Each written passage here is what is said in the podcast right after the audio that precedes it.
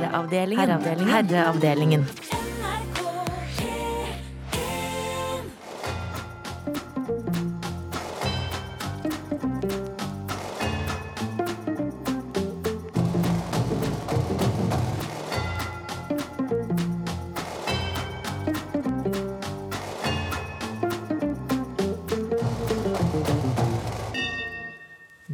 aften og hjertelig velkommen til herreavdelingen her i NRK P1 i studio, Jan Friis og Finn Bjelke. God aften, Og det er, min gode mann. ja, og det er litt av noen legender vi har med oss i dag, etter at det har vært litt av en uke.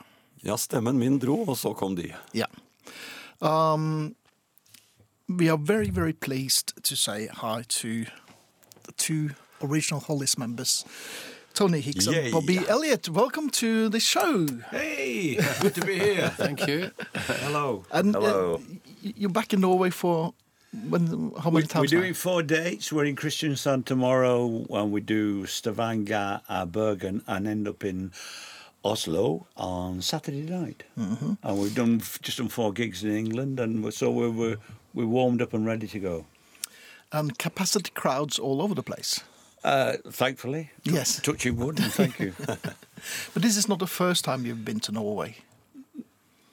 no, we first came here in about 1966, 67. Yeah, 67. it's a long time ago. And Graham Nash was with the band then, and I was telling some friends earlier that we arrived at the hotel late at night. It was dark, and Nash had been reading a book on the uh, the Kontiki expedition, uh, Tor Heidel, and we said to the receptionist, "We'd so like to see that raft."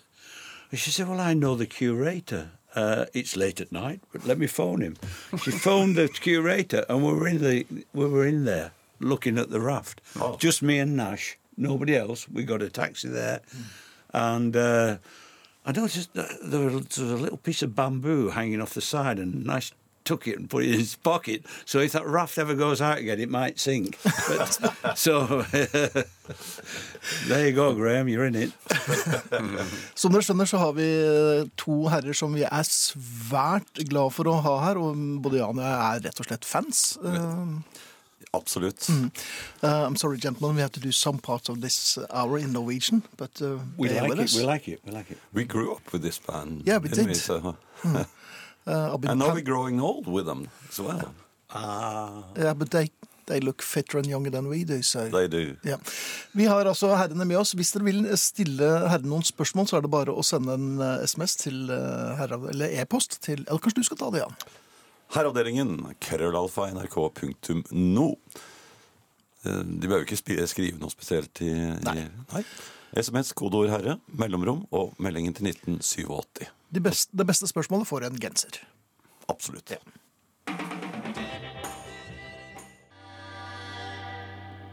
Great. Klassisk eh, popmusikk fra The Hollies her. Dette er sangen I'm Alive, og vi er så heldige at vi har Tony Hicks og Bobby Elliot with us. We thought we started with I'm Alive. I thought I was quite apt, actually. Uh, and it's also a tune you play in your show. It's your first number one. You're correct. Yeah, you're right. Yeah. Uh, you- Very, very happy You about that recorded this in Abbey Road. Abbey Road Studios, uh, number two studio. Uh, I remember Graham saying at the time because uh, his wife was a friend of uh, Scott Walker, and he said Scott Walker said that is the best ending of a rock song I've ever heard. Oh, that was my idea, Tony. Did you, did you know that? The doubling up. Uh, no, but I do Doubling now. up. I The- do doubling up on, on, on the end. I thought, why are we going to finish it? Not, don't fade it like everything. Double it up, you know, like the old. So, and that's what we did. Da, da, da. Very much a stage ending. We, we, we, we were very. It was it was the mid '60s. We were still into uh, exciting. We wanted to excite people on stage, so we probably took that into the studio and it was not always correct to do that in a studio because you're supposed to be cool and get the best technical sound and all that but we were going still going for that excitement and i you know uh, once i do that nash would follow he'd follow and bang off we go Hearing that, it sounds because I I've heard it for years. It, it, it sounds so much like Ab- Abbey Road insofar as uh, the the big Fairchild Compressor. compressors that they use, but also the reverb is a natural reverb. It, is, it doesn't come from uh, an, an electronic unit. It, it's a room that they had there with uh, uh, with a speaker at one end and a microphone at the other, and there were all kinds of pipe, drain pipes kind of thing that they used to the, the, the speaker fired at the wall, A- and uh, it's interesting hearing that. It's such a natural reverb sound. But there's a massive, there's a, a very important story attached to that echo, mm-hmm. the echo. So we, when we first started recording at Abbey Road, we were told that the echo was switched off at ten o'clock at night because Ron Richards wanted to go around to the Abbey Tavern to have his nightcap, a pint of beer and a whiskey chaser. So, sorry lads, uh, we're halfway through a take, Ron. Doesn't matter. The echo's going off at 10 o'clock. It wasn't until three years later we came in through the back door and walked in through the echo room. It couldn't be switched off. It was a bloody room. It was. he just wanted to get to the He wanted to for get- a drink, Of course. which closed. And you fell for it. Uh, we fell for it for, for two or three years. Yeah, well. But we joined him in there. We, we, we liked We enjoyed the, the liquid refreshment. I bet you did. Um, herrene har altså spilt inn mm, mange låter i eh, Abbey Road, og flere kommer til å høre i løpet av den timen. Jan. Definitivt. Um, uh, we asked the, the listeners a couple of weeks ago to send in questions for you. So um, if you will, if if if you will indulge, Sounds please. dangerous. Uh, I'll try to. Um, Wasn't me. is, is that is that your standard answer? well, try me. Okay. Um, what was the point of no return for you as a band? When did you realize it was the Hollies for you forever? And is it like a love of love for, for your life, for the rest of your life? S- asks Ian. Yeah, well, we never thought it was going to last forever. No. Oh, am I right? we, Sure. we thought it might be a couple of years and then we'd go back to whatever we were going Yeah, back to, sure. God knows. But uh, it, it was the early days of uh, British rock and roll. Uh, we were there were loads and loads of bands all around the country, many in the north of England, like ourselves and the Beatles and lots of others. And uh, the Beatles opened the floodgates because, uh, as we say, north of Watford, the London crowd didn't know what was going on. But when, when, when the Beatles opened the floodgates, uh, producers were going up north, and Ron Richards found us, uh, the Hollies, performing in the cavern. The, the Beatles had moved out the cavern, the Hollies had moved in, and they were doing lunchtime. The cavern in those days, you would do a lunchtime session and an evening session, and the lunchtime sessions were as busy as the evening sessions. You know, girls dancing and whatever, and all that sort of thing. So uh, it was just a, a, an escape from the north. Tony and I were we, we'd been to schools and we'd we'd we'd become an apprentice. You know what you're supposed to do, what your fathers told you to do. But really, we wanted to play instruments. We wanted to escape from that grimy north of England, and and we did. We got a van and we made, you know, we, we made music. We had a little band called the Dolphins. It was Tony's band. He he was 14 at the time, and I joined his band, and uh, and, and we we worked, and, and our web spread, and word got around that, that you know this band is good. And eventually, the Hollies were being formed, and they wanted him, Tony Hicks, on guitar. and uh, he, he's, uh, he's, he, he, his father said, "No, no, no, you don't want to." But he said, "I, I really want to do it, Dad." He said, "Well, what they're they going to pay you?" Uh, uh, and, and they said, "Well, we, we can't afford to pay you anything because we're not making any money." So his dad said, "You ask them for eighteen pounds a week, or you don't do it." He got eight, he got eighteen pounds a week, and the rest of the band starved. And I'm, lo- I'm looking for a rise. I want more now. it's, it's, locked into a contract, you see. Well, of course, it's for life. Um, Tony Anyway. ble da med i Hollies og fikk faktisk 18 pund uh, i lønn. Det var resten- faren som insisterte på det. Ja, eh, vi skal være glad for uh, det. Um, we thought we were going to play a song, well, a song called "Listen to Me." Uh, Jan, I think that was your choice. Yeah, it's my choice because uh, people tend to forget it. Um, because uh, people say uh, Jennifer Eccles, I was the last one with uh, Graham, but actually it was Listen to Me. Uh, and I like that uh, recording. Um, We're going to do it on stage over here. you are? Yeah, yeah. We play it before we talk about it, or what? Uh, absolutely. Uh, I'm just trying to uh, Jeg prøver å få tilbake ungdommen min. Jeg har vært på eBay. I panicked because I'm, I'm trying to recreate my youth. So I bought two copies of Jennifer Eccles. And because I was ordering on eBay at night. So I tend to forget what I've already. Uh, yes, thank you. this is Listen to Me, The Hollies.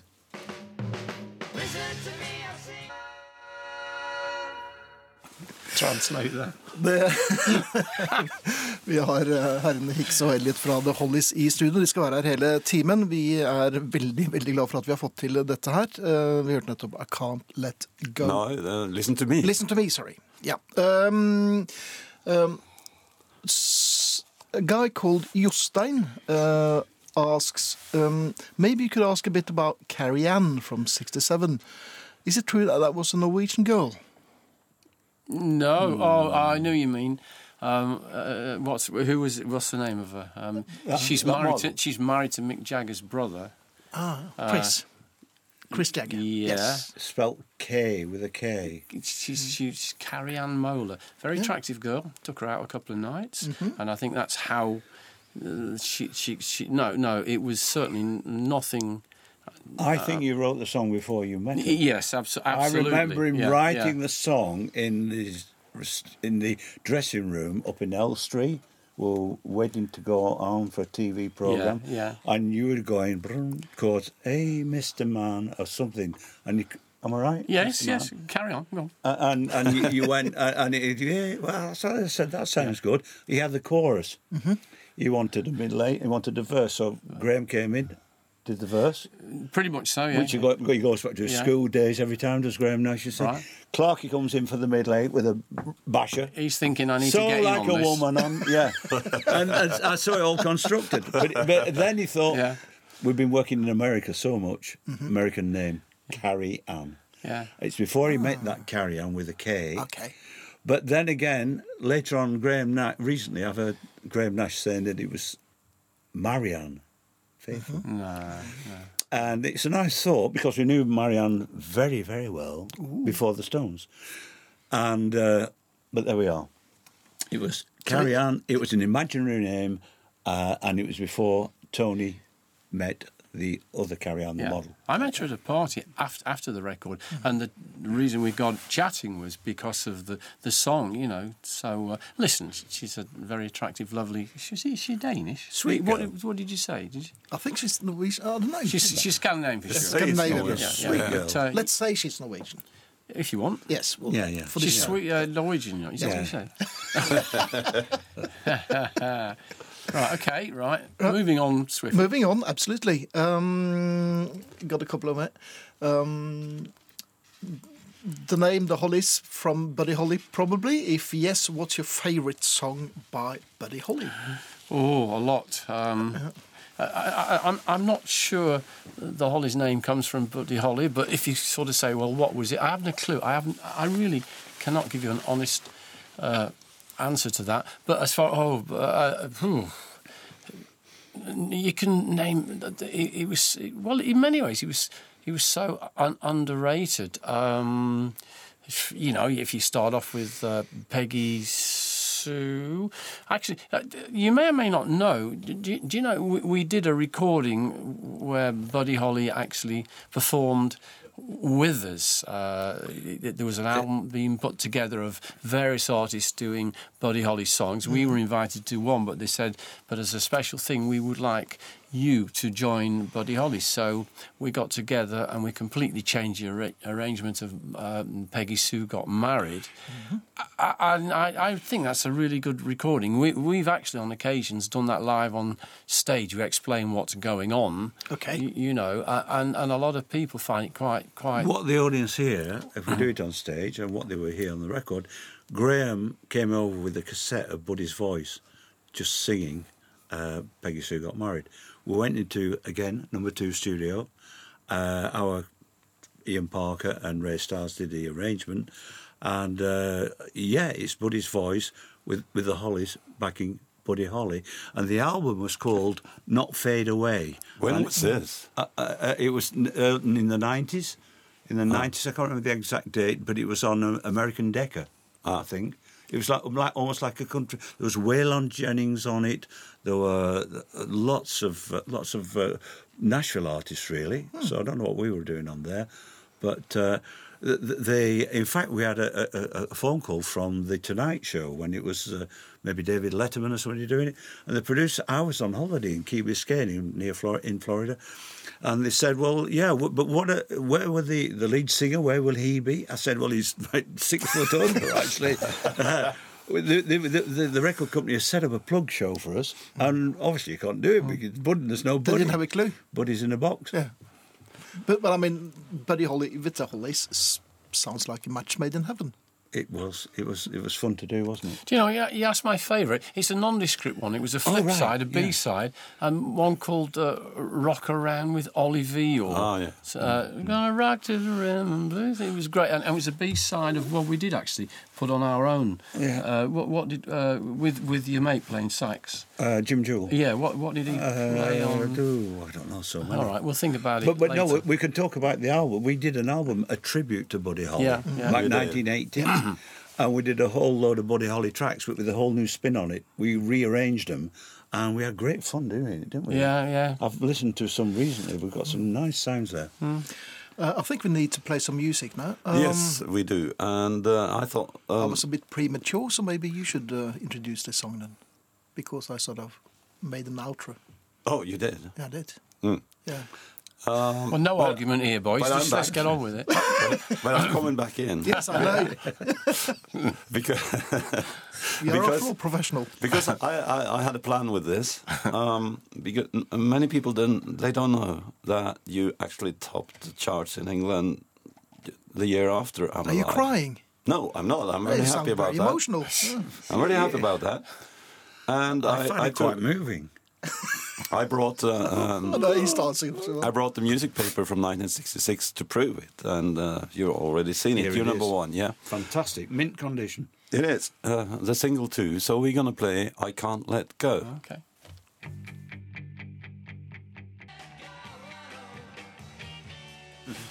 The Hollies I Can't Let Go, nummer én i 1966. Who wrote this song, Bobby? It was written by uh, Al Gagoni and Chip Taylor. Ah, Chip, Chip Taylor, Taylor. wrote a song for us later on as well, uh, called "The Baby." But Chip Taylor was, uh, let me see, get let me work this out. He was the brother of John Voight, the actor. John Voight, yeah. So that makes him Angelina Jolie's uncle. Uncle, yeah. Oh. And he wrote this with Al Gagoni, who was an American West Coast session player, guitar player. Uh, so yeah, we met the guys, and and uh, and yeah, it was, that was a good song to have. Number one, yeah. I remember at that time we were we were doing a, a we'd done a gig in Warsaw in Poland, and we were back at the hotel, and the name I think it was the Bristol Hotel, uh, and Marlena Dietrich was staying there. and uh, falling in love again. Uh, but her pianist at that time, I think, was Burt Bacharach. So it was 1965. They're also making a film called The Night of the Generals. And this was 1965, and we we opened the curtains the moment we'd arrived. We opened the curtains. There was a, German army going down the main street. They were filming this film, and we thought we were in the wrong country. anyway, I digress. Where was I? I was in Poland. Right, so it was number one. Congratulations, you are number one in- England. Clarky said, Champagne, waiter, champagne. And we had got the champagne, and it was like £300 or a million pesetas or something or other. we, we couldn't afford to pay the bill at the end. of Right, it. yeah, yeah. Yeah. Avoided number ones after that. Yeah, we kept. Yeah, we didn't. Yeah, well, That's very cunning. Um, the next song we're going to play is one of my, my favorites. Um, probably not a song that gets played that much on radio anymore. Um, Tony, what can you tell us about the next song, Confessions of a Mind? Hmm.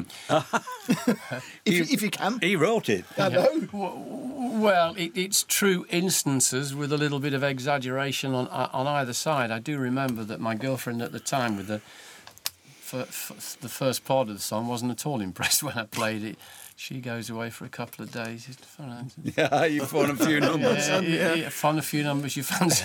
Very politically correct. so not not altogether true, but uh, yeah, it was it was just different. You know, moving into different structures and different things. It was a reflection of the 60s, what was happening in those days, Yeah. because people didn't get married out of wedlock in England. It was just like taboo. Whereas, you know, you know didn't, didn't, what was it, if they had children, uh, they had to get married. And it was all that sort of thing. It was very much like that film. What was it called? Uh, I don't know. Was a black and white English film that was described all that. And uh, it- Albert Finian. that. yeah, and and and Julie Christ. No, maybe not. Anyway, I digress. Uh, but yeah, it, it's a snapshot of of of uh, uh, of dowdy uh, '60s England, uh, maybe in, in the working class north. I don't know. Oh no, you were you were in London with your. You, you on the King's Road. If your King's Road days with your Porsche. What am I talking about? I think we're just going to play the song. yeah, better play the song. the Censored. the honest right. confessions of a mind.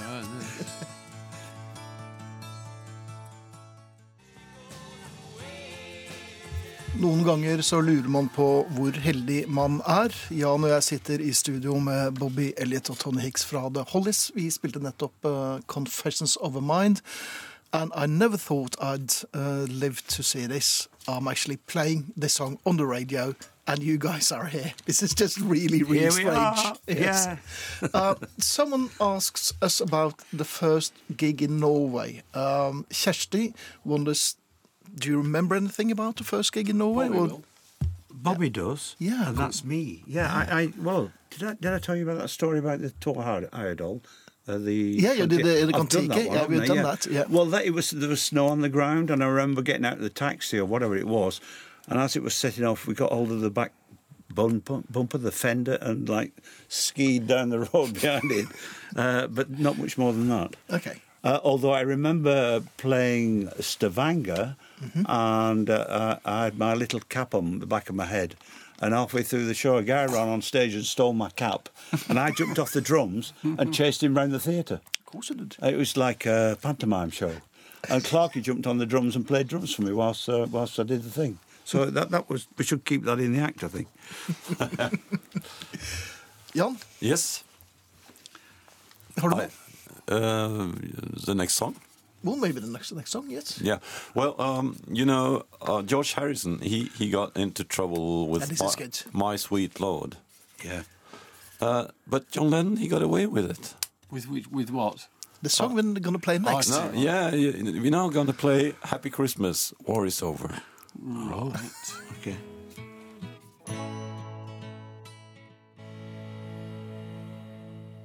Radioteatret sender 22. juli. Hvordan kunne det skje? Det som skjer nå, det er at jeg kommer til å teste beredskapen med en meget realistisk øvelse. En terrorøvelse. Hvem har gitt grønt lys for det? Det har jeg. Jaha, har du myndighet til det? Vil du ringe justisministeren og spørre? 22. juli. Hvordan kunne det skje? Hør hele serien som podkast. Gå inn på NRK Radio.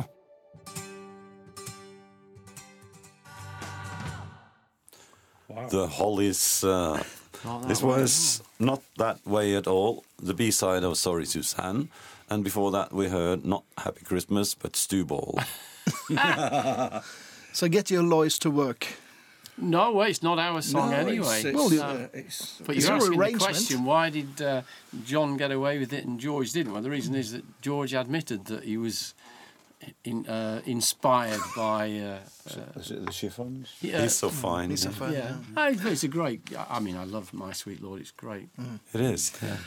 And also, I think now's the time to to put the record straight because uh, you guys are probably one of the best bands in the world and always have been, and you do not get the credit for it. so, uh, Thank you. so it's about time to uh, to put you up there in the uh, Champions League. All right. Always been there for me. Yes, but not for everyone. So No, they that's need to know. They need to get educated. Yeah, but We are the underdogs, but we like it that Yeah, way. we're Yeah. fine. Get down. He barked uh, bitterly. No, no, but, but I mean, did you see, Uh, someone says, um, "How did the Hollies change or contribute to music history, in your humble opinion?" Harmonies, Yeah. Oh yeah, three-way harmony. made of steel. Took the progression from like an Everly Brothers harmony to a three-way. Thanks to Tony Hicks here, who added the lower voice, and it was like a spread of a horn section. Uh, it always, I always compare it to a horn section. You've you know you've got the, the the lead trumpet and that's the lead singer, and then you've got the higher voice, and he, he brought in the lower, uh, almost baritone thing in a way, but it gave it that lovely spread, a s- nice stereo spread. Well, that was an accident because in those days you had to record live, really, and I must have got too close to one of the microphones, just mumbling away He as I used to- did. He used to grunt. and they liked it and they said, You're in. so, I mean, I was quite happily stood at the back playing guitar, Yeah. but uh, now I'm mumbling continually. Yeah, pardon. And you introduced the banjo sound too on the electric guitar, didn't you? Uh, it's- well, stop, stop, stop. Is that what you mean? Yes. That's what it says when he's got going. Um, uh, yeah, well, it, we need Peter for this. um, no, we don't. Yes, it was inspired by being taken down to a Turkish club in New York the first time we ever went to New York, all young lads and things, and uh, and th- there was a, a, a Turkish band on there. Uh, playing and uh, I didn't have a whatever it is the instrument the tur- the traditional Balla, like a balalaika yeah, thing. yeah. So uh, I, uh, I, I, I, I, uh, You got a I got a six-string banjo, and, and that was used in it, and uh, I've been dragging it around the world for the last fifty years just to play that one song. And we're really happy you still do that. Um, we're going to play another deep cut for most people, I think. We're going to play a song called Dandelion Wine. Ten seconds, Tony, about that. Do you remember? It's yours, isn't it? Yeah, a, a strange period. I mean, I, have, I wouldn't have a clue to tell you what to say, but I haven't, I haven't heard it for years. Let, let's hear it. You know. Absolutely. The Hollies, Dandelion Wine.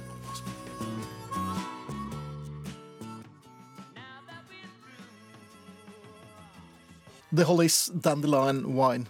Do you remember it now, I, Tony? I remember it. He but, wrote it. uh, Yeah? yeah, uh, uh, not yeah. It's it, it's all right. It's not. It is not our finest moment, in my personal opinion. Well, fair enough. But it's it, it's been played now.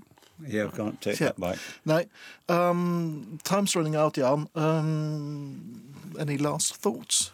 Uh, that sounded a bit morbid, but yeah. It's um, we're gonna we're gonna play. Uh, Are you crying again? Hmm? you My sound like voice is crying. going. My- yeah. You well, one thing. Um, do you see Alan much these days, or I haven't seen him for a while, uh, but I got him an interview with the Wall Street Journal the other week. They wanted to know how we came across Long Cool Woman. Well, he wrote it with Roger Cook, so uh, I was yeah. I emailed him about that. I wrote about how it was recorded, and he wrote about how it was written. After drinking uh, two bottles of dandelion wine and a bottle of cognac.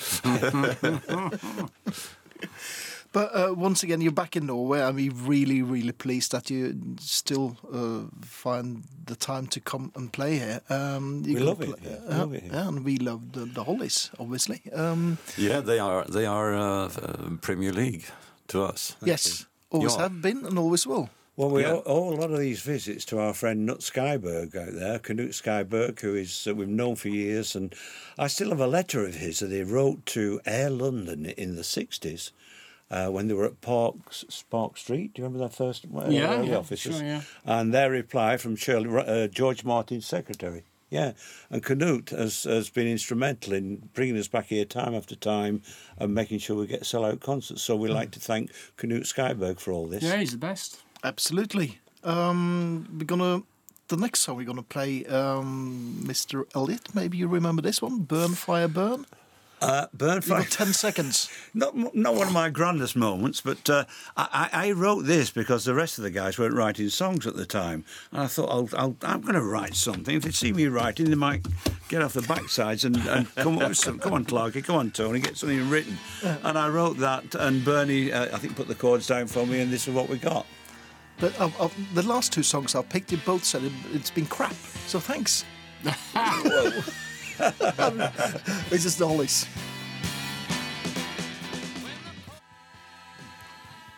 Another great song by the Hollies, Burn, Fire, Burn. Whatever you say, Bobby. Um, it's time to wrap this up, Jan, I'm sad to say. Yes, uh, we do. We, uh, we do it with uh, a song written by Bruce Springsteen. You were very early on, you know. Yeah, we, we recorded this. Uh, it, it was very early in Bruce's career, and he wasn't that well known. And we recorded it, and at that time we were in New York. We were playing a club called the Bottom Line, and Bruce came in the dressing room to thank us for recording it. We had a night out with him. Three years ago, we were in Australia, and there's Bruce and the band in, in Adelaide, Australia, in the Intercontinental Hotel, sat at the bar. We, we'd done a gig, we came in, we were drinking Grey Goose vodka with Bruce, Max Weinberg, Nils Lofgren, and you name it. And there, what goes around comes around. That completes a circle. And he started singing, and we fucked it up again. Yeah, yeah. Um, Well, So Can you thank say you. that? Oh, just, oh, sorry. Did I say that out loud? Um, Tony Hicks, Bobby Elliott, thank you very much. Thanks for coming to our show. We uh, are not worthy. Thank you. Please come back. Yeah, please Oh, come thank you. It's We've been en- fun, thank you. It's been great. Bye. Herreavdelingen. Herreavdelingen.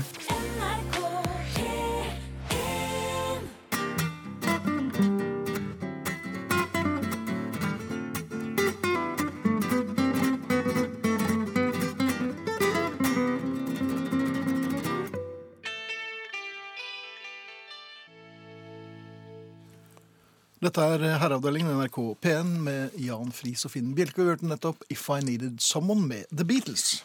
Det gjorde vi. Ja. Eh, hvorfor det, vil eh, sikkert mange spørre. Ja, det vet jeg. Du vet det? Ja. For den gjorde The Hollies også. Ja, det var vel den eneste Beatles-låten de gjorde. Og den uh, gjorde de såpass dårlig at George Harrison ble kjempesur. og da ble Hollies kjempesure på George Harrison. Har de gått nå? Jeg tror det. Ja. Eh, og jeg må si at jeg er vel egentlig enig med George Harrison. Den Hollys versjonen var veldig sånn hastverkspreget. De, hadde, det var, de spilte den jo inn før Rubber Soul hadde kommet ut. Og skulle bare skynde seg å få det, det ut som en singel. Og det var en feilvurdering. Men de kom, Ja, ja. de kom seg fort etter den. Det gjorde de definitivt. Eh, Den timen kommer til å gå primært på norsk, får vi vel si. Uh, yes. Ja, nei, det er det. Men du har jo slitt litt i det siste. Ja, jeg har uh, slitt både med, med en pakke som forsvant, og så forsvant stemmen òg. Ja, hva var det- verst? Eh, ja, nå er jo pakken kommet for dagen igjen, men, men uh, det tok sin tid. Ja, Jeg er uh, ganske overrasket over hvor vanskelig det kan være å handle på, mm, på nettet. ja. Det skulle Før- liksom være så enkelt. Ja, det var jo det jo det før. Ja, Det var jeg. Eh, Hørte du på den stemmen der? Eh, Men det er ikke blitt så lett lenger, for at nå dukker det opp stadig sånne Hva heter disse mm, selskapene som bringer ting? Det er bringeselskapene. Bringeselskapene, ja. Ja. Eh, Før så var, sendte man ting i posten, ikke sant? så fikk man det i posten. Og hvis eh, gjenstanden var eh, riktig størrelse, så, så fant man den i postkassen. Hvis den var litt for stor, så lå det en hentelapp i postkassen. Så gikk man på postkontoret og hentet den. ikke sant? Sånn er det ikke lenger. Det er det ikke. Du vet aldri Aldri! hvem som eh, har ansvaret for sendingen når den passerer landegrensen. Nemlig. Det som skjedde med min pakke, det var at eh, den kom ikke. Jeg ventet og ventet og ventet og ventet. Eh, kjøpt fra England. Så, men det var noe sånn tracking som de eh, reklamerer med, og det, den trykket jeg på. Da fikk jeg tracket eh, pakken min. Og da så jeg hvordan den forlot England. Der, ja. Var du litt klokken- sånn, eh, Hadde du sånn pelsegel Hadde du sånn beverlue på ja, hodet? nei, men jeg var ganske begeistret til å begynne med. For den hadde masse sånne tider og datoer og til og med klokkeslett. For den kunne da trackes eh, inn i Tyskland plutselig. Hva hadde den der å gjøre, forresten? Så til Hamburg. Ja vel. Hadde seg der. I syndens pøl? altså, var det en liten tur innom reperbanen òg? Syndens pøl, rett og slett. Ja. Og så kunne man se at den eh, kom til eh, Norge. -hmm. Det var en lørdag klokken syv. Eller var det 7.30? To timer senere, to timer et kvarter senere så var den fortollet. Klar til å bringes ut til kunden. Ja, men så fint. Ja, så fint. Ja, ja, ja. Men dette var jo en hel uke siden. Ja. Jeg hadde ikke sett snurten av den. Og Mhm. den mandagen, da sto det at den var levert til kunden. Og kunden var jo meg. ja, var den det? Ja, det var jo det. Den var jo ikke levert. Jeg visste det helt sikkert. Ja. Og ingen hadde ringt på. Nei. Så, For det har du hørt, for deg, du spionerer jo eh, årvåkent. Ja, ja, men jeg har en hund som bjeffer når det ringes på. Så uh, jeg ringte da til det norske budbringerselskapet som uh, sto på trackingen. Mm. De bedyret sin uskyld. Eh, så sa jeg, men det står jo at det er dere som Nei, ikke, den har sikkert vært innom Tyskland. Å, hvordan visste de det? Ja, fordi at det var tolv siffer på mm, trackingnummeret, Ah. og vi bruker bare ti. Ja. Men så sa de tolv, da er det sikkert Posten. Ja. Jaha, så ringte jeg Posten. Men Posten var ikke hjemme. Eller Posten var hjemme, men Posten hadde problemer.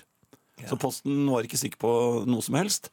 Eh, og da han fikk høre de tolv sifrene mine, så, så, sa han nei, det var i hvert fall ikke dem. De ville ikke Nei. ha noe med de sifrene Når å han gjøre. begynte å bli litt trett efter åtte siffer. Ja, så ringte jeg til um, Amazon. Med den stemmen der? I, ja, det var ikke så lett. For, for, først måtte jeg lete etter telefonnummeret, for det har de gjemt veldig Ja, finurlig. Vet du. Ja. Det ligger ikke for sånn Nei, det er fremme. ikke lett eh, tilgjengelig. Du må, du må lete et helt uventet sted. Det var det jeg gjorde. Et sted. Ja, De ventet ikke at jeg skulle lete der. Men der plutselig dukket det opp. Plutselig dukket opp med pipestemme. Og der sto det 'trykk her, så, så ringer vi deg'. Det trodde jeg bare var en sånn tøysede, tøysede knapp. Ja, ja. Men jaggu ringte det en dame fra Irland. Fra Irland. Med metallstemmen sin. Ja. Helt ufølsom metallstemme. Så Vanskelig å høre hva hun sa, og hun ble, øh, syntes jo det var vanskelig å høre hva jeg sa, med den rare stemmen min. Ja. Um, mye frem og tilbake. Mhm. Um, de skulle hjelpe meg, og så skjedde ikke noe mer. Og så fikk jeg da en beskjed fra dem uh, på e-post om hvor fornøyd jeg var med kundeservicen. ja. Hvor fornøyd var du med kundeservicen? Nei, de hadde ikke en sånn uh, dra til helvete-knapp. Nei. De har de aldri. Nei, det har de ikke. Nei. Det er alltid sånn, bare sånne hyggelige knapper. Ja. Så i ren desperasjon i dag så bare kjørte jeg et søk på det, det, dette tøysenummeret. Ja. Da sto det at eh, pakken min hadde ligget i mm, min nærbutikk eh, i åtte dager. ja. Og der, nå er vel eh, Du er jo inne igjen der nå, for du ble jo bare sendt Båret ut for ut. to uker. Ja, men, men der lå den. Der lå den. Ja. Jaha, Så det var en eh, lykkelig slutt på denne historien, som var ganske lang og usammenhengende. Det var lang, usammenheng- usammenhengende og veldig eh, til, til tider ganske uinteressant. Men Ja. jeg må jo si at jeg tror mange kjenner seg igjen i den likevel. Ja Slik er det i dag. Ja. Ja. Nå kan vi godt spille nå. Gratulerer med dagen. Hva? Ja, Du Ja. er jo blitt 90 år i dag. Jo, Nå skal vi spille noe med Graham Nash. Litt mer Mollis, altså. Ja. Og David Crosby. Frozen Smiles.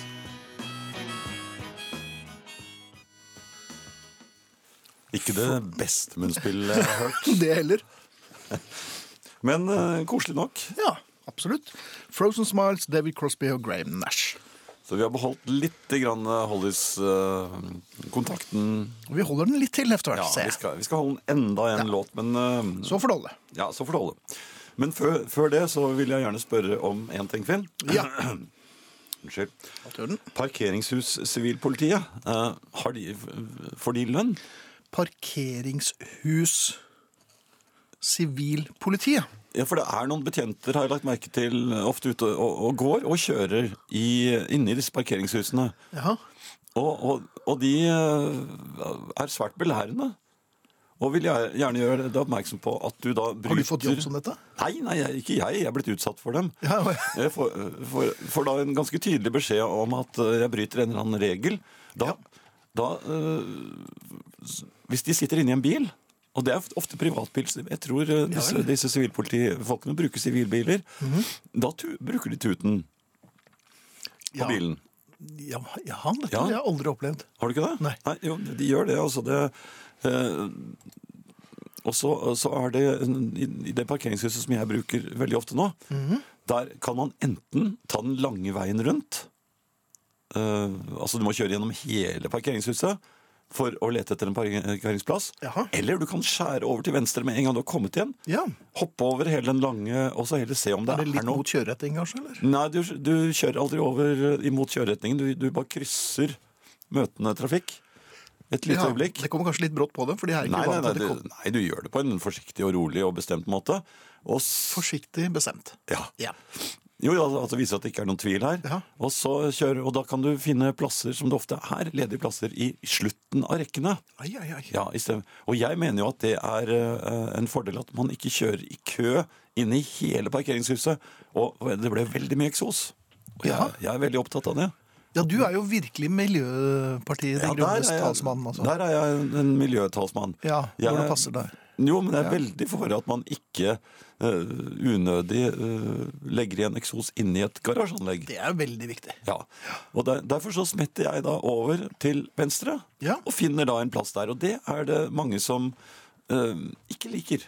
Nei. Ja, eh, Særlig etter at uh, de som har dette garasjeanlegget, har murt opp en slags sånn sperre der. Ei. Ja, Men den sperren oppdaget jeg ganske fort. Jeg tror jeg var den første som oppdaget det. Jaha. At det var mulig å komme forbi. Ja. Da man bare la seg til høyre med Altså man la seg veldig kraftig over mot høyre. Det så ut som man hadde tenkt å fortsette innover. Og så plutselig vred man til venstre, sånn litt sånn drosjeaktig. Da går man akkurat klar av den, eh, den stoppen. Ja. Og bilen som står parkert eh, rett foran. Akkurat. Og så kommer man over. ja. Eh, Det er liksom som å kjøre bilbane i gamle dager. Altså, men, jo, men så oppdager jeg at disse sivilpolitiene Ja. det, det kom en akkurat da som skulle ut. Han stoppet. Mhm. Stoppet og sperret meg så ikke jeg skulle komme over. Var det sperring? Ja, sperring. Og, og ikke hytting, men pekefinger. Viftende Ja, pekefinger. sånt gjør vi Ja. ikke i huset. Og så et par trykk på hornet. Ja. Sånn at eh, en gammel mann som kom med bæreposene sine, han Ja. mistet den ene. Han ble ikke eldre. Nei, Det er jo- mistet det? det Ja, det er jo veldig høy sånn tuting. Og, du, og du venter jo ikke at noen skal tute på deg. Nå tu- tutet jeg jo han jo ikke på denne gamle mannen, Mhm. men varene gikk rett. Jeg tror det var seks egg eller sånt noe som gikk også. Han Ja. var ganske trist. Så han men- lagde omeletten der? ja, Ja. Men den sivilpolitimannen han avsluttet da pekefingerviftingen, og så kjørte han eh, ut. Og han liksom fått sagt fra. Men så har jeg merket at det er flere av disse oh, ja da. som ikke skal ha som skal, Men hvorfor, hvorfor altså, Er de ansatt? Det Eller er det private mennesker som, som, som virkelig bruker tid og krefter på å mene noe om hva andre gjør? Hvis du tenker litt tilbake, gjerne i herreavdelingen-sammenheng, om, Mhm. har du mm, noen ganger gitt til kjenne dine betraktninger rundt eh, trafikale situasjoner, hvordan andre folk oppfører seg i trafikken? Se, nå, nå skal vi høre på eh, Nei, men det her er, kunne jeg tenke meg at du kanskje kunne nå kom jeg utdype. Nå kom jeg plutselig på at vi, skal, vi skulle Det fortsette er litt veldig, veldig vanskelig å ta det alvorlig når du har den stemmen igjen. ja, men, ja, men det klarer ikke å lage 17. mai-fløytelyden heller. Gjør du ikke det? Jo, nei, det var, nei, det var ikke det. Var ikke. Det var, slett det. det var 3. oktober, forresten. vi, vi skal høre Erlend Clark som sammen med Steve Howe gjør Bob Dylans Don't Think Twice, It's All Right. Og det er Steve det Hoes LP. Kan det være nødvendig, det? da? Nei, det er ikke, det nå orker jeg ikke. Altså,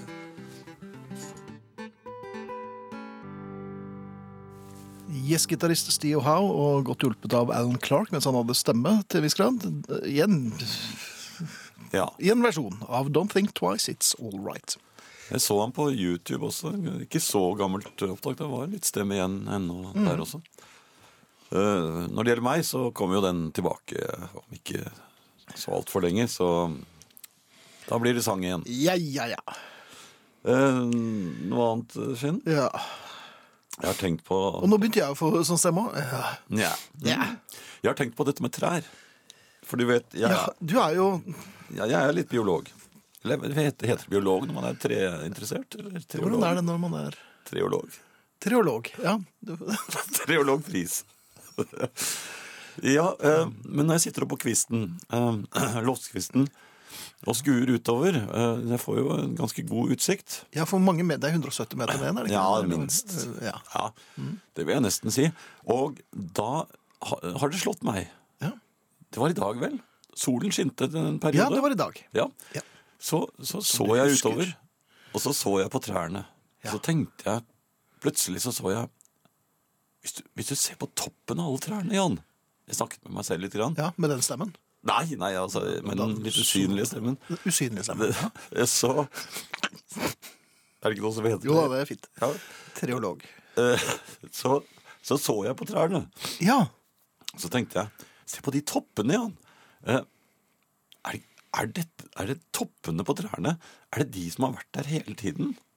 Er det på en måte babytreet som bare hele tiden er med oppover, mens treet vokser og vokser og vokser?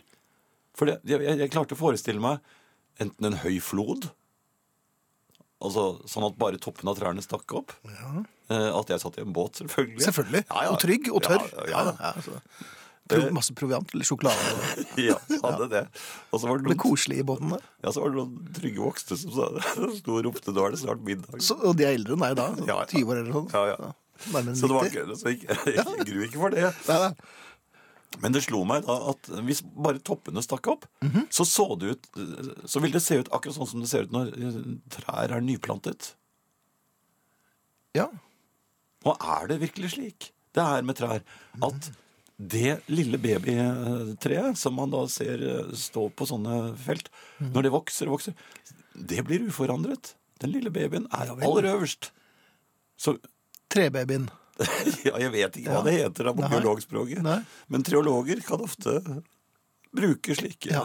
Det er sikkert noen i familien som er treologer, og som kan fortelle deg hvordan dette fungerer. Men det, på en eller annen måte så visualiserer jeg også at en baby som hele tiden føder For det kommer jo ut den, av babyen, på en måte. Ja, Kommer det ut av babyen? Ja, Nei, den er jo kommer- under. Nei, den dyttes oppover. Fordi røttene Røttene som suger inn næringen. Ja. Og så sier hun Og så vokser den, og så er det bare babyen på toppen som Babyen aldri på toppen blir aldri større. Er det sånn som eh, treets Dorian Gray, som aldri blir sier ja, og det betyr, tenkte jeg, Jaha. at hvis man var riktig spe eh, sprek øh, og smart, eksempel når det nærmer seg jul, Mhm. så kan man klatre helt opp i toppen av et grantre, Ja, og så kan man bare eh, klippe av babyen, og så har man et fint juletre. akkurat. Men hvordan skal det gå med resten? Nei, man, man gjør jo ikke det, for da, da blir jo resten av treet da, For alt jeg vet, så kan det kanskje dø treet. Fordi den lille babyen på toppen Men når man den- kommer og, og kapper trær, for når de vokser seg litt for store, så er det jo veldig sjelden de kapper nederst. De kapper jo øverst. For å tenke på det, hva skjer da? Ja, men da blir det jo ikke sånn baby lenger. Jo, men det, Det er- er jo like grønt året etterpå, da. Ja, men det blir jo sånne epletrær og sånn. Blir det epletrær da? Ja, vi har noen bjerk hjemme som ikke blir så Er det ikke blitt epletrær? Nei, det er ikke Nei, det grønne jeg spiste, det smakte jo veldig rart. Så det kan det ikke ha vært. Ja, nei, men Arne? Ja, jeg tror det. Ja. Jeg tror det. Først David Lindley, 'Something's Gotten Hold of Me'. Så Arne Hjeltnes. Og så 'Blackness of the Night' med Yusuf alias Cat Stevens. Ja, det er en ny plate fra ham. Den nei, Apple Yard, nei. Ja, det, det, den det, er er ganske fin. fin. Hermeavdelingen! Ja, ja. Jeg har hørt på hele. Ja.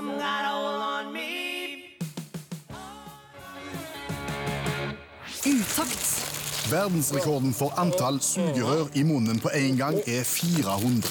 Hvor mange har du nå? 100. Nå har du bare 301 igjen.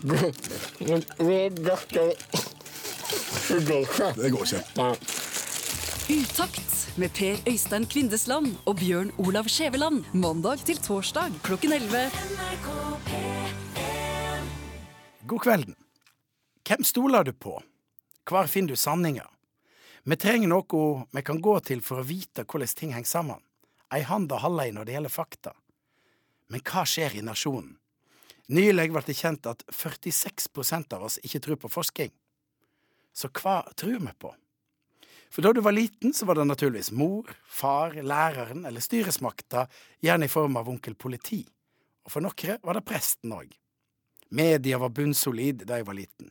Stod det i avisa, så var det sant.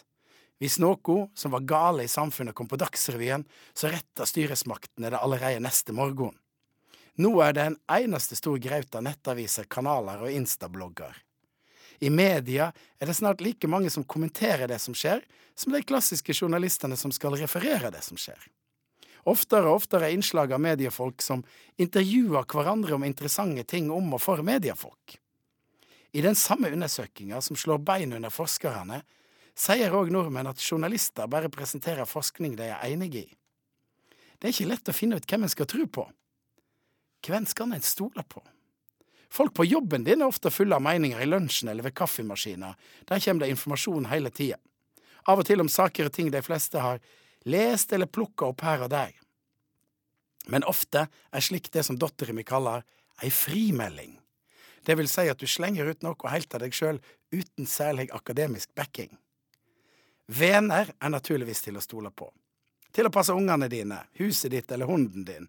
Til å holde på en og annen løgndom, eller til å stille opp hvis du trenger hjelp. Men på fakta og kunnskap er det vel av og til litt eh, så som så.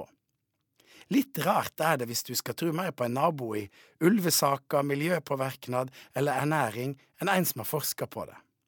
Enda rarere er det at folk i undersøkinga svarer at de nok ville klart å avsløre det hvis de så ei sak der det var lagt fram usann forskning. Det er altså ikke noe gale med sjølkjensla vår når det gjelder kunnskap. Her står det at gaupebestanden har økt med 8% de siste åra. Ha-ha, det lurer ikke meg, jeg har ikke sett noe gaupe i det siste. Usunt med brennevin? Ha-ha, se på besten min, han er 88, og han har tatt seg en tinn en i iallfall 87 år. Uendelige tall, liksom? Ha-ha, neppe. Det er klart det stopper opp til slutt, det gjør jo alle ting. Nei, vi veit best sjølve. Og hvis du ikke veit best, så veit naboen din eller mor di best. Noen kaller det sunt folkevett, andre kaller det erfaring. Hva skal en med forskning når det er såpass lett å skaffe seg bakgrunn for egne meninger? Og 46% tror altså ikke på forskning. Hadde naboen din eller bror din vært forsker, så hadde du nok trodd på det. Men sånn generelt, folk du ikke veit hvem er, til og med folk som er fra helt andre steder enn deg, tror på deg? Det er vel den halvparten som tror på forskning det må forskes litt på.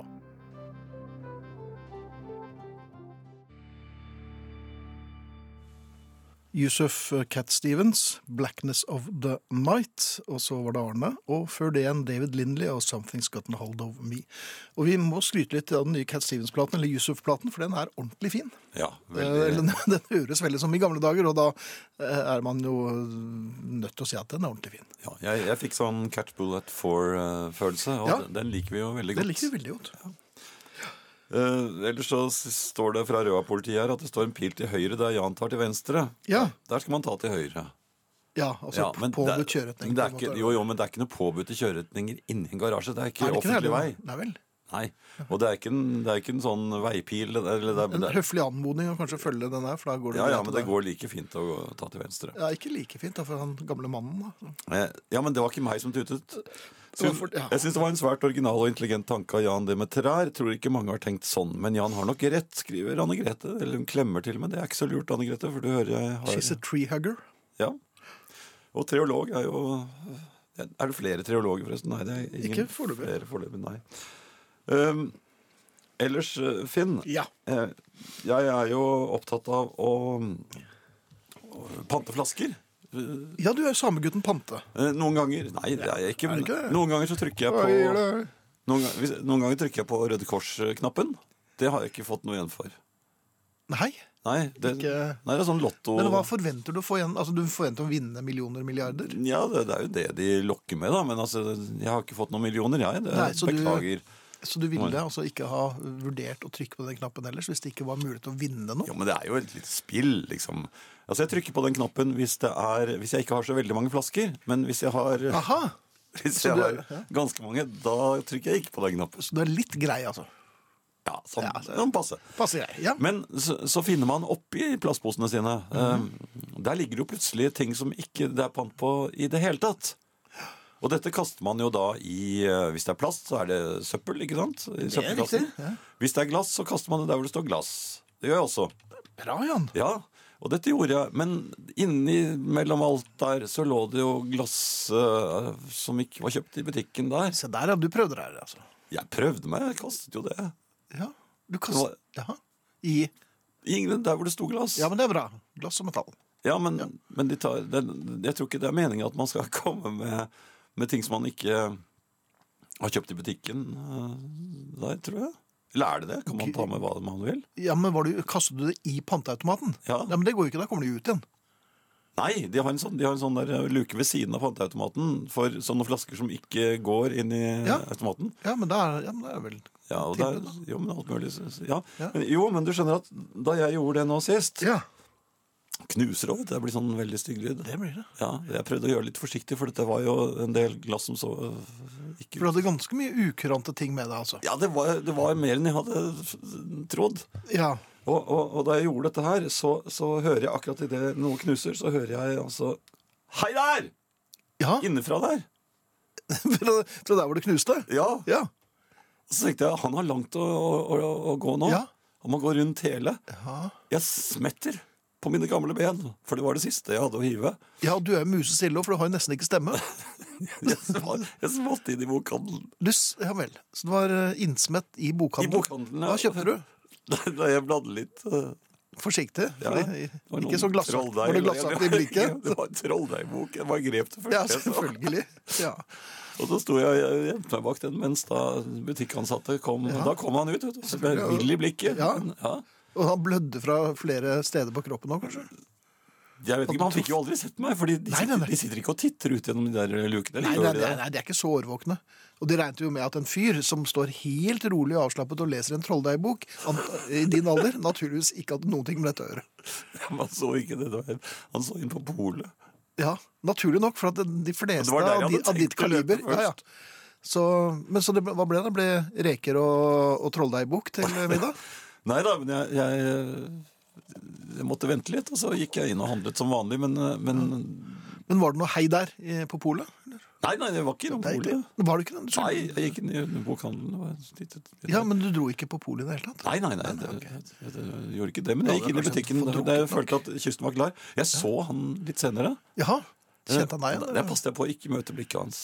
Ja. For det skal man ikke gjøre. Det skal man ikke gjøre, Nei. for da kommer de på deg med en gang. Ja, faen, jeg så at han liksom plutselig snudde hodet litt fort etter meg idet jeg Ja. passerte. Men da var det, gikk jeg helt rolig. Ja.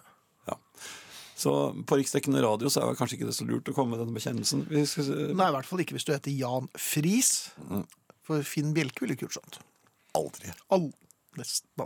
Ja. Vi skal høre noe vi aldri spiller noe særlig. Damene? Ja, Ikke uten grunn, men det er jo for så vidt. Det var det første ordentlige dameband. Ja, det var det, men Ja, ja. De gjorde en fin versjon av Badge. ja. Den er Ikke fullt så fin, den her, men vi tar den. Fanny med Charity Ball.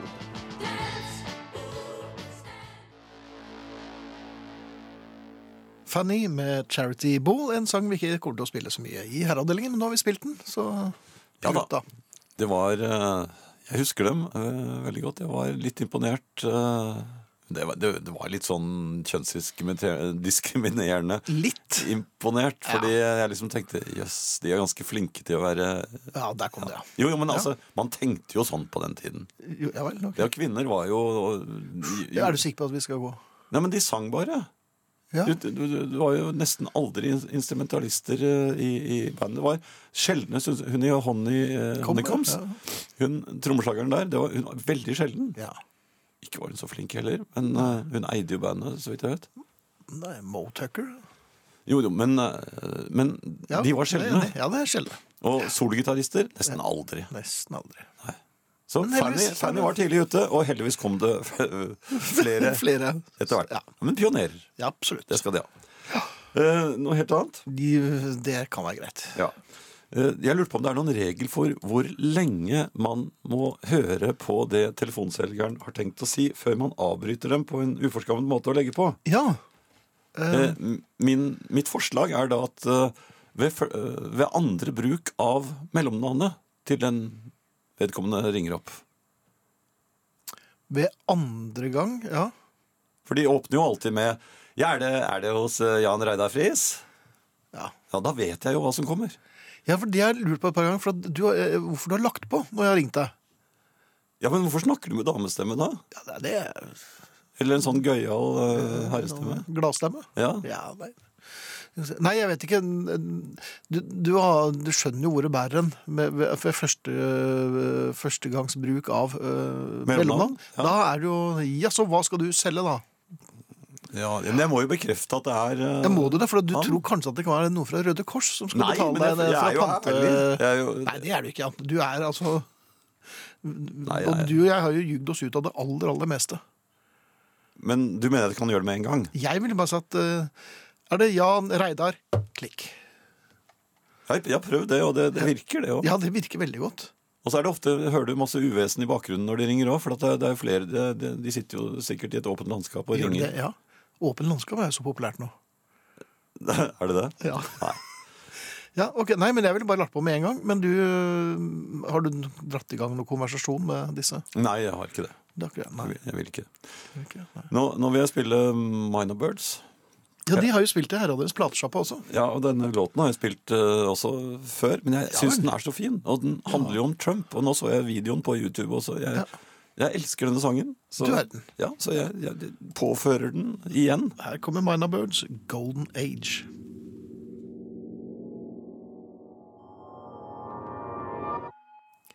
fint fra The Minor Birds, Golden Age.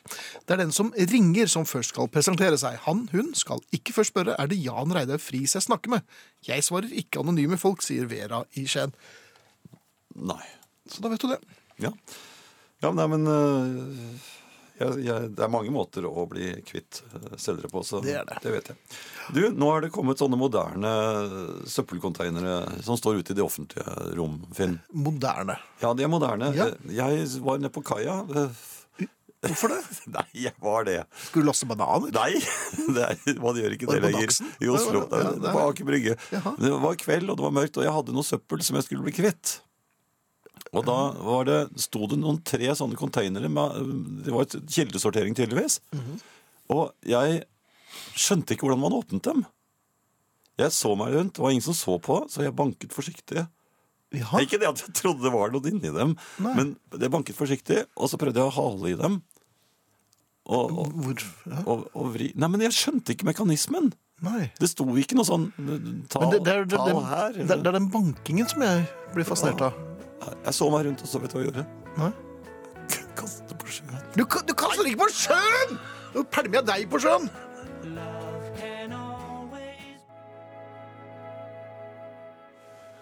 Danny Curran, tidligere Fleetwood Mac. Love can always bring you happiness. Virker ikke så happy, men Nei, han, han ble litt poppete. han ble det. Hygget seg litt. Det Ja. er fint, det. Ja, ja. Det gikk ikke så bra, men Nei, det gjør ikke. Eh, vi skal si takk for oss. Det skal vi. Takk for aften. Og vi, det er selveste The Hollies. Ikke så ofte vi kan si det. Nei. Og Frode Thorshaug, det kan vi si litt oftere, men Ja. jeg er glad for det òg. Ja, absolutt. Arne Hjeltnes, Finn Bjelke, Jan Friis. Vi sier takk for oss med The Waterboys og The Elegant Companion. Vi er tilbake på torsdag med Herreavdelingens platesjappe. Det også. Jøss. Du verden. Herreavdelingen. Herreavdelingen. Herreavdelingen.